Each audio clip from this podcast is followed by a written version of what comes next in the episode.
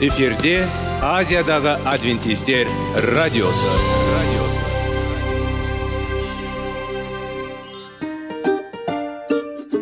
Сәлем достар. Денсаулық өмір бұлағы және біздің бірінші байлығымыз демекші денсаулық сағаты рубрикасына қош келдіңіздер. Бір кісінің ауырғанын айтқысы келмесе де ол онсыз да көрініп түсінікті болады. Өйткені ауырғанда жанымыз қиналғаны кейде соншалық сол үшін дәрі алуға қарағанда мұның бәрін алдын ала алу жақсы емес пе? Біздің рубрикада біз әртүрлі факторларменен мәліметтерменен кеңестерменен бөлісіп шын жүректен сіздердің дендеріңіз сау болғанын қалаймыз. Сол үшін біздің рубрикаға қош келдіңіздер. Дайындалып тұрыңыздар. Өйткені келесі минуттарда қызықты фактілерге ие боласыздар. Енді достар ең бірінші байлығымызды қолымызға алып алға кеттік. Бізбенен болыңыздар.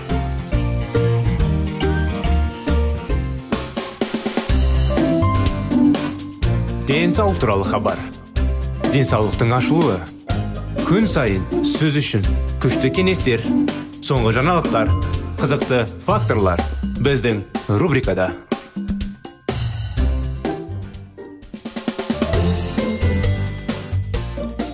Қуып ішкеннің қақалғаның ажалына тақалғаның. Таңертеңгі асты тастама кешкі асқа қарама жалқаулық жаман ау тазалық саулық негізі саулық байлық негізі.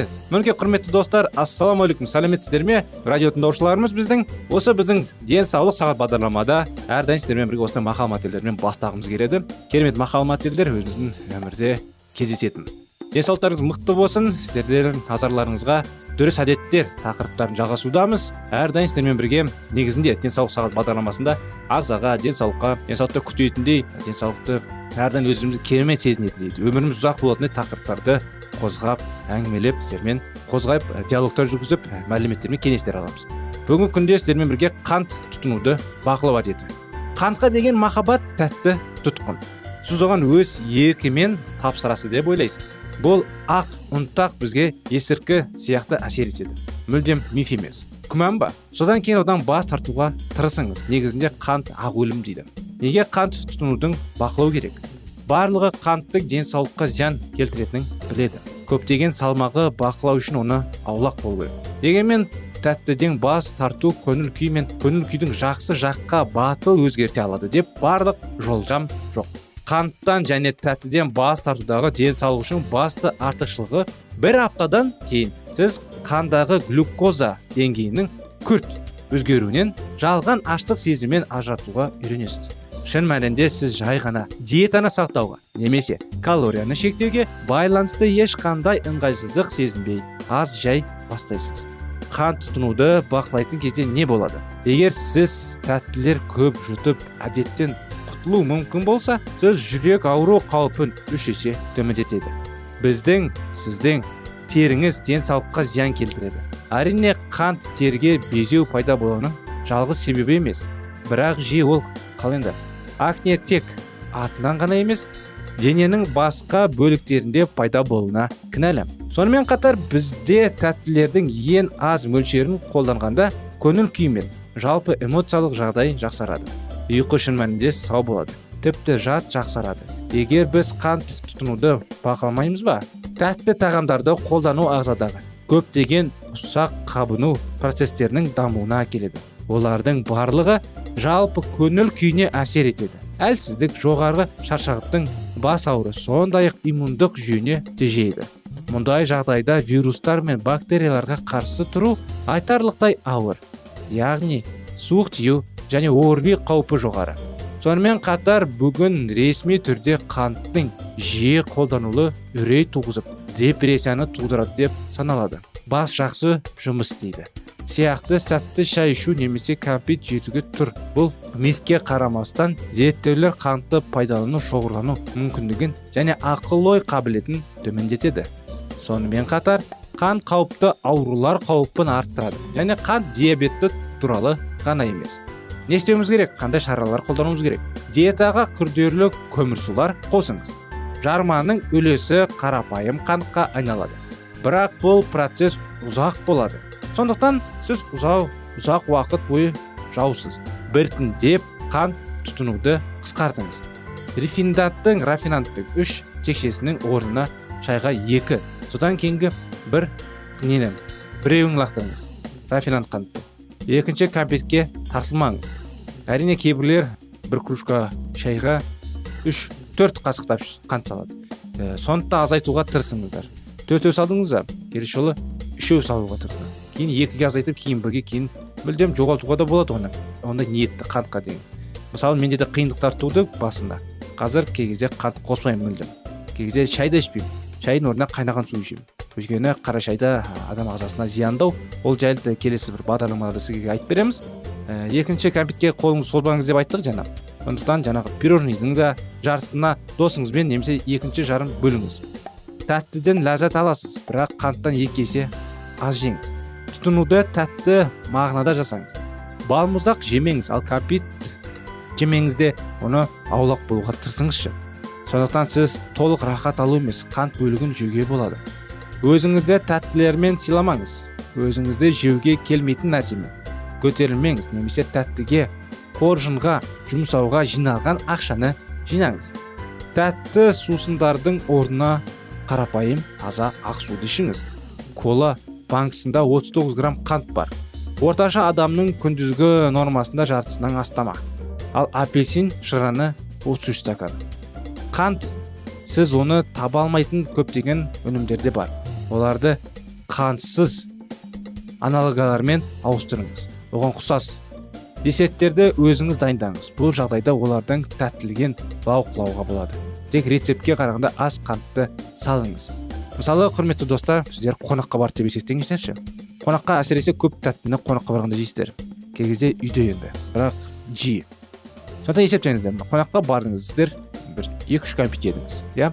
Оның ішіндегі қантты ішіндегі бар қантты алып ағзаға енгізілетін бір тостаққа салсаңыз кейін жеген торттың жарайды қысқарты қысқа анықтамасын айтайын бүкіл кеште жеген қантыңыздың бәрін бір тостаққа салсаңыз үлкен тостағыңыз кәдімгідей қантқа толады. Ал сол қантты құр өзің қасықтап ауызға сала алсаңыз әрине сіз сала алмайсыз сол сияқты ол сала алмаған бір бір тұрсын және де сол зиян екенін байқайсыз.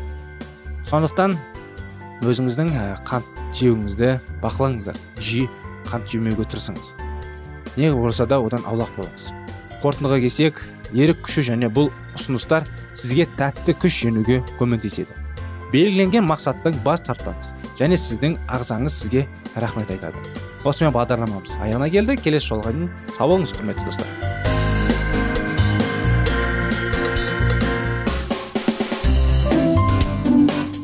Денсаулық туралы хабар.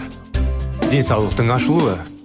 Күн сайын сөз үшін күшті кеңестер соңғы жаңалықтар қызықты факторлар біздің рубрикада.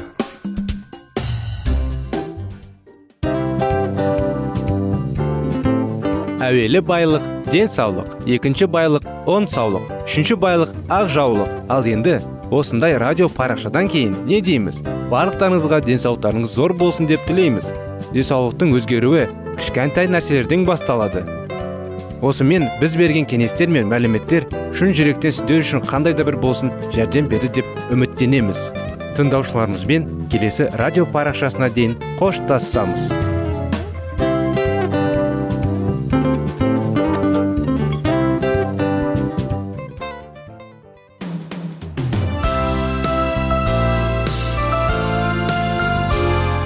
эфирде азиядағы адвентистер радиосы.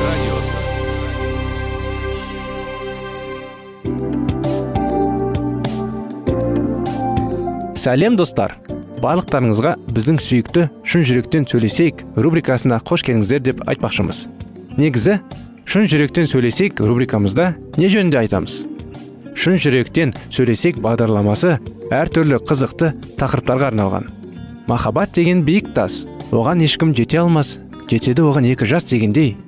Шындығында шын жүректен сөйлесейік деген сөздің мағынасы екі достың екі адамның екі жастың арасындағы шын жүрекпен сөйлесуі бір біріне сенуі ашықтық пен шындықты білдіреді. Сол үшін біздің бағдарламаларды үзбей бізбен бірге болып тұрыңыздар.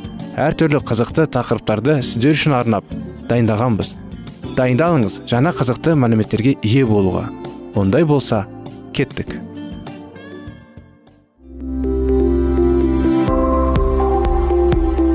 Алтын сөздер. Сырласу. Қарым қатынас жайлы кеңестер мен қызықты тақырыптар. Шын жүректен сөйлесейік рубрикасында.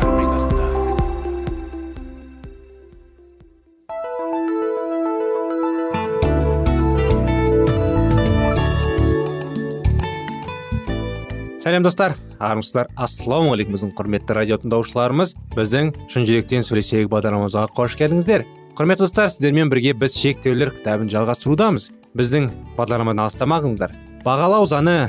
Өзгелердің шекараларын құрметтеңіз. Адамдар өздерінің шектеулерге қатысты қиындықтарын әңгімелеген кезде олар деген сөзді жиі айтады. Егер жоқ дейтін болсам олар менің теріс айналып кетеді. Егер де шынайы сезімдерімді айтатын болсам олар менімен сөйлеспейтін болады. Біз өзгелер өзіміздің шекараларымызды сыйламайды деп қорқамыз. Бір назарымыздың өзгелерге аударып өзіміз тұрып ұмытып кетеміз. Кейде қиыншылық біздің өзгелердің шекараларын құрметтемеуімізден туындайды. Біз төмендегіде ұқсас нәрселерді ойламаймыз немесе айтамыз. Ол неге мені жұмыстан кейін ала кетпейді? Тура жолындамын ғой. Маған неге қарыз берген келмейді? Аз уақытқа ғана сұрап тұрмын ғой. Меніңше саған істегендерімнің бәрінің қарамызда ретінде маған тым болмағанда шағындау болса да бір қызмет көрсетуге тиіс осылай деп өзгелердің өз шекараларын белгілеу әрекеттерін айыптаймыз олардың бізге қалай көмектесуге тиіс екендерін олардың өздерін де жақсы білетінімізді көреміз. Содан кейін біз әдетті мен қалай қаласам олар маған дәл солай көмектесулері тиіс дейміз.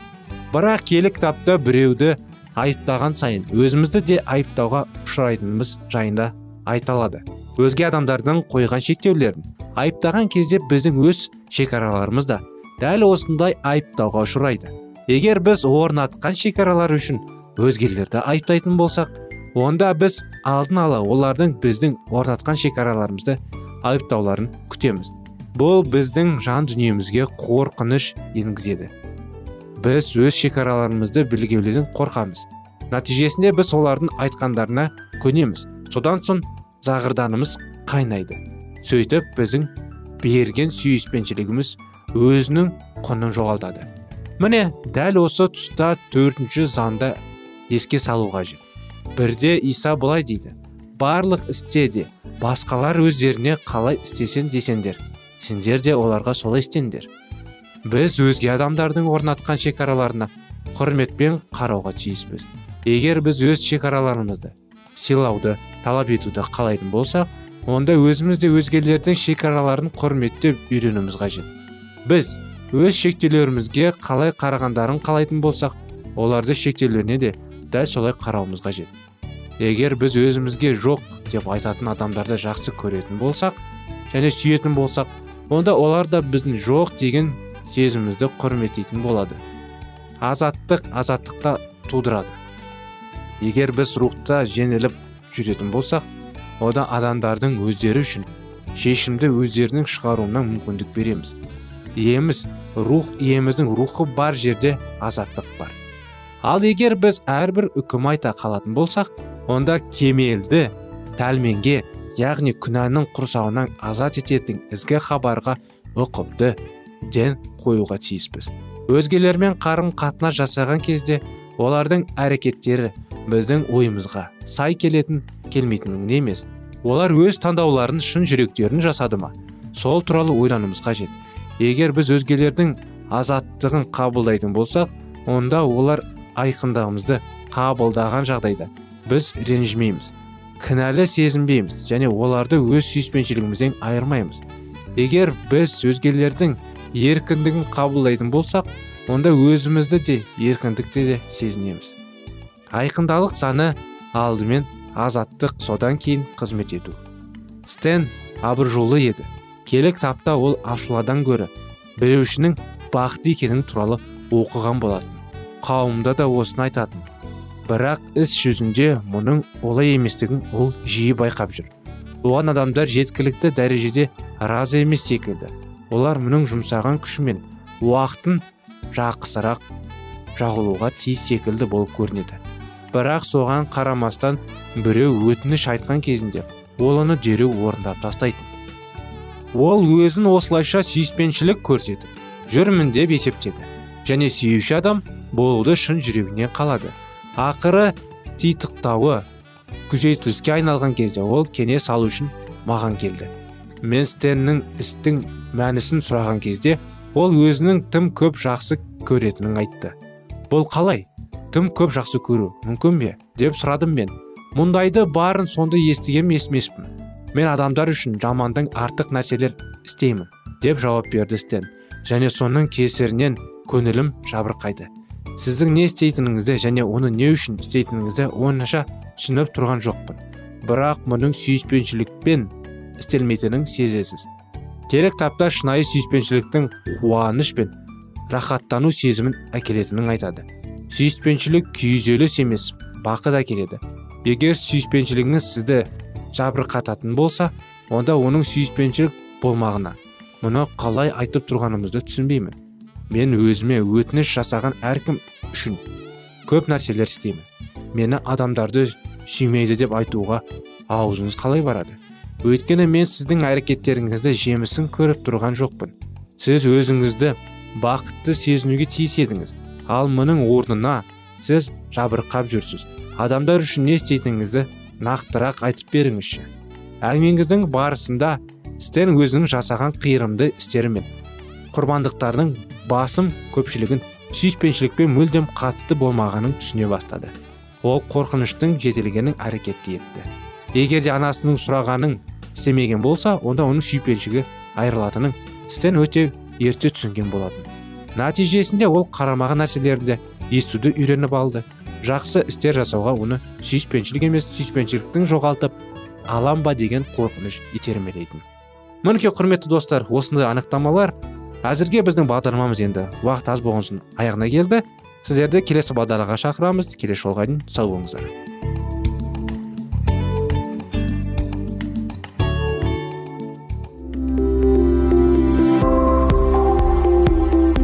Алтын сөздер. Сырласу қарым қатынас жайлы кеңестер мен қызықты тақырыптар. Шын жүректен сөйлесейік рубрикасында.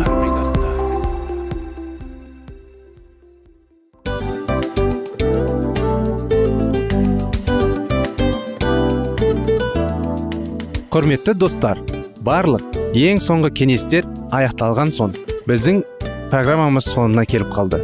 Осы біздің мәліметтер осы рубрикада айтылған әрбір сөздер сіздерге өзінің қандай да бір пайдасын алып келді деп шын жүректен сенеміз.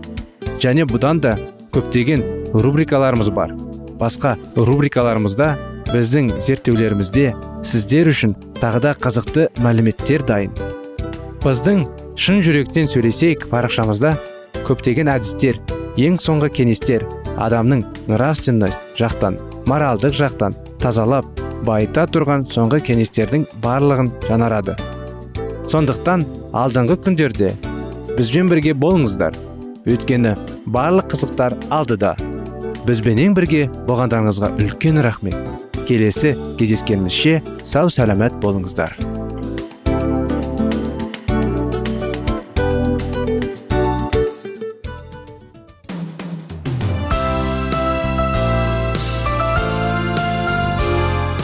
Эфирде азиядағы адвентистер радиосы. Радиосы жан дүниеңді байытқан жүрегіңді жаңғыртқан өмірдің мағынасын ойландырған рухани жаңғыру. Рубрикасы.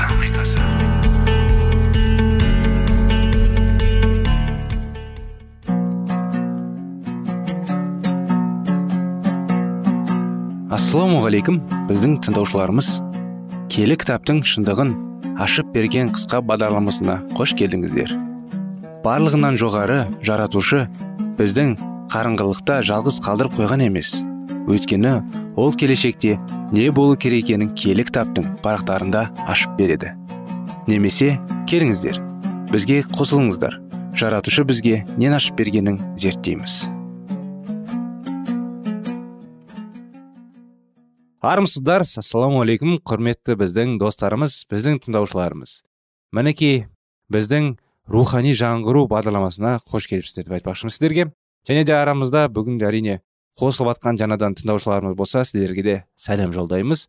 Біздің бағдарламамызда қош келіпсіздер сіздерге де айтамыз. Әрине біздің рухани жаңғыру бағдарламасы әрине қалай айтқанда рухани тақырыптарға арналған. Рухани өсіміз өсуіміз үшін жаратушыға кішкене жақындау үшін кішкене емес жақындау үшін. Рухани тақырыптарды талдау сіздермен бірге зерттеп кеңестерді оқып және де қалай енді диалогтар болады.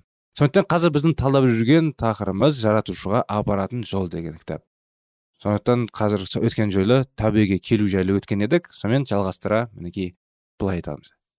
Жақындап келе жатқан құдай сотының қорқып өзінің ауыр күнә жасағандықтан тұйыққа тіреліп ауыр жағдайға душар болғанын сезінуі. Оны өз күнәсін осылай мойындауға мәжбүр етті. Ол істеген ісінің арты қандай зардаптарға душар ететінін ойлап үйренеді жан жүрегінің ой сезімдерінің түпкірінде күнәліда пәк кешірсат таза құдайдың ұлына сатқандық жасап израильді келден бас тартқандығы үшін өкініп қайғырмады. Мысыр парғауында да құдайдың сотына ұшырағанда бұдан былай қайғы қасіреттің зардабы тартып азап чекпесе үшін өзінің күнәсін мойындаған болатын.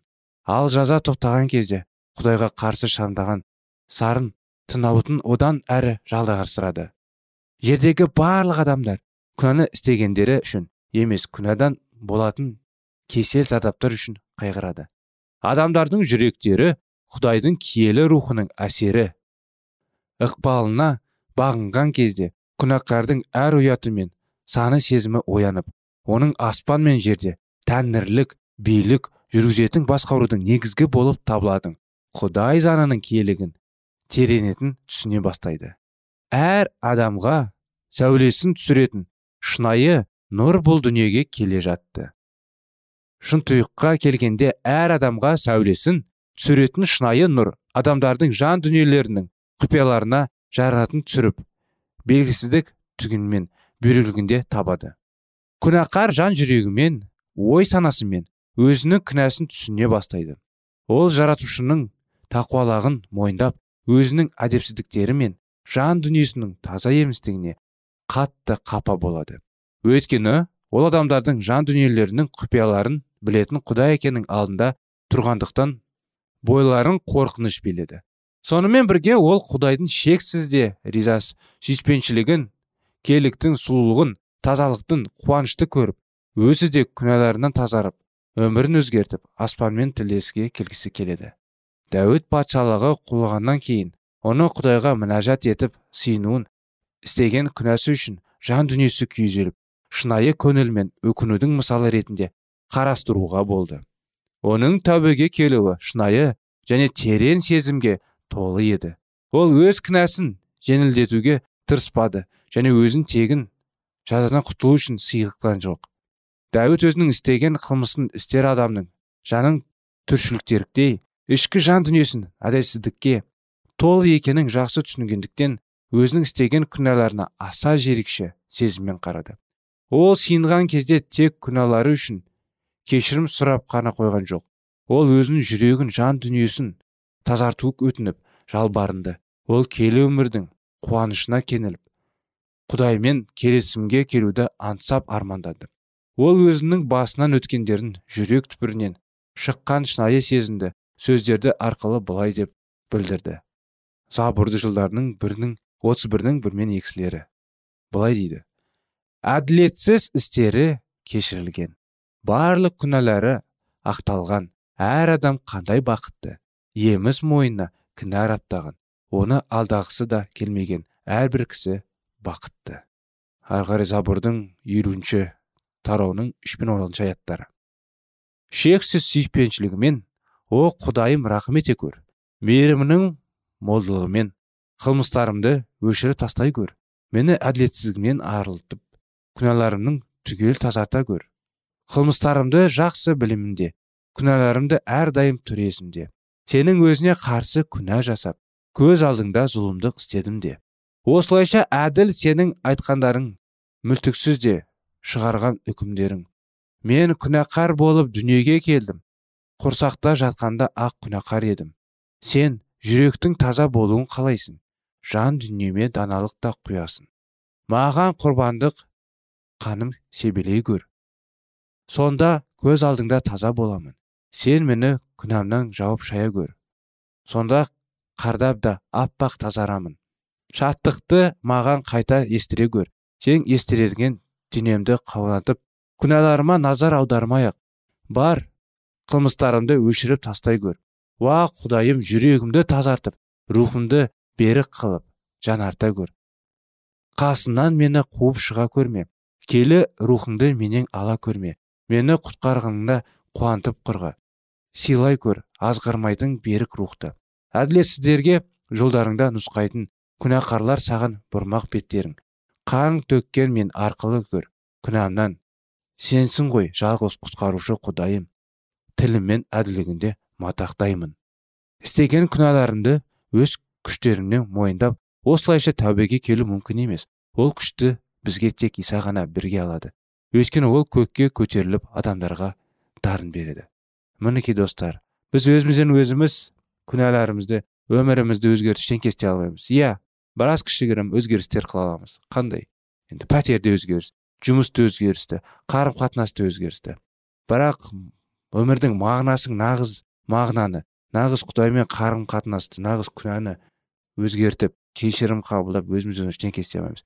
Өйткені тек қана құдайдың ұлы тек қана құдайдың өзі ғана бізге көмектесіп осының бәріне көмек бере алады. Әрине бостан босқа біз оны ойлай салып ондай істелінбейді. Әрине ол үшін әрекеттер жасау керек. Қандай әрекеттер жасау керек екен? Қандай істер қандай қылықтар енді? Қылығымыз қандай болу керек? Нақты қандай болуымыз керек? Қарым қатынас нақты қандай болу керек? Оның бәрін келесі тақырыптарда сіздермен бірге жаратушыға апаратын жол деген кітаппен талдаймыз. Сондықтан бүгінгі бағдарламамыз енді өкінішке орай уақыт аз болған соң аяғына да келді. Келесі бағдарламада сізді қуана күтеміз. Сау сәлеметті болыңыздар достар. Рахмет сіздерге.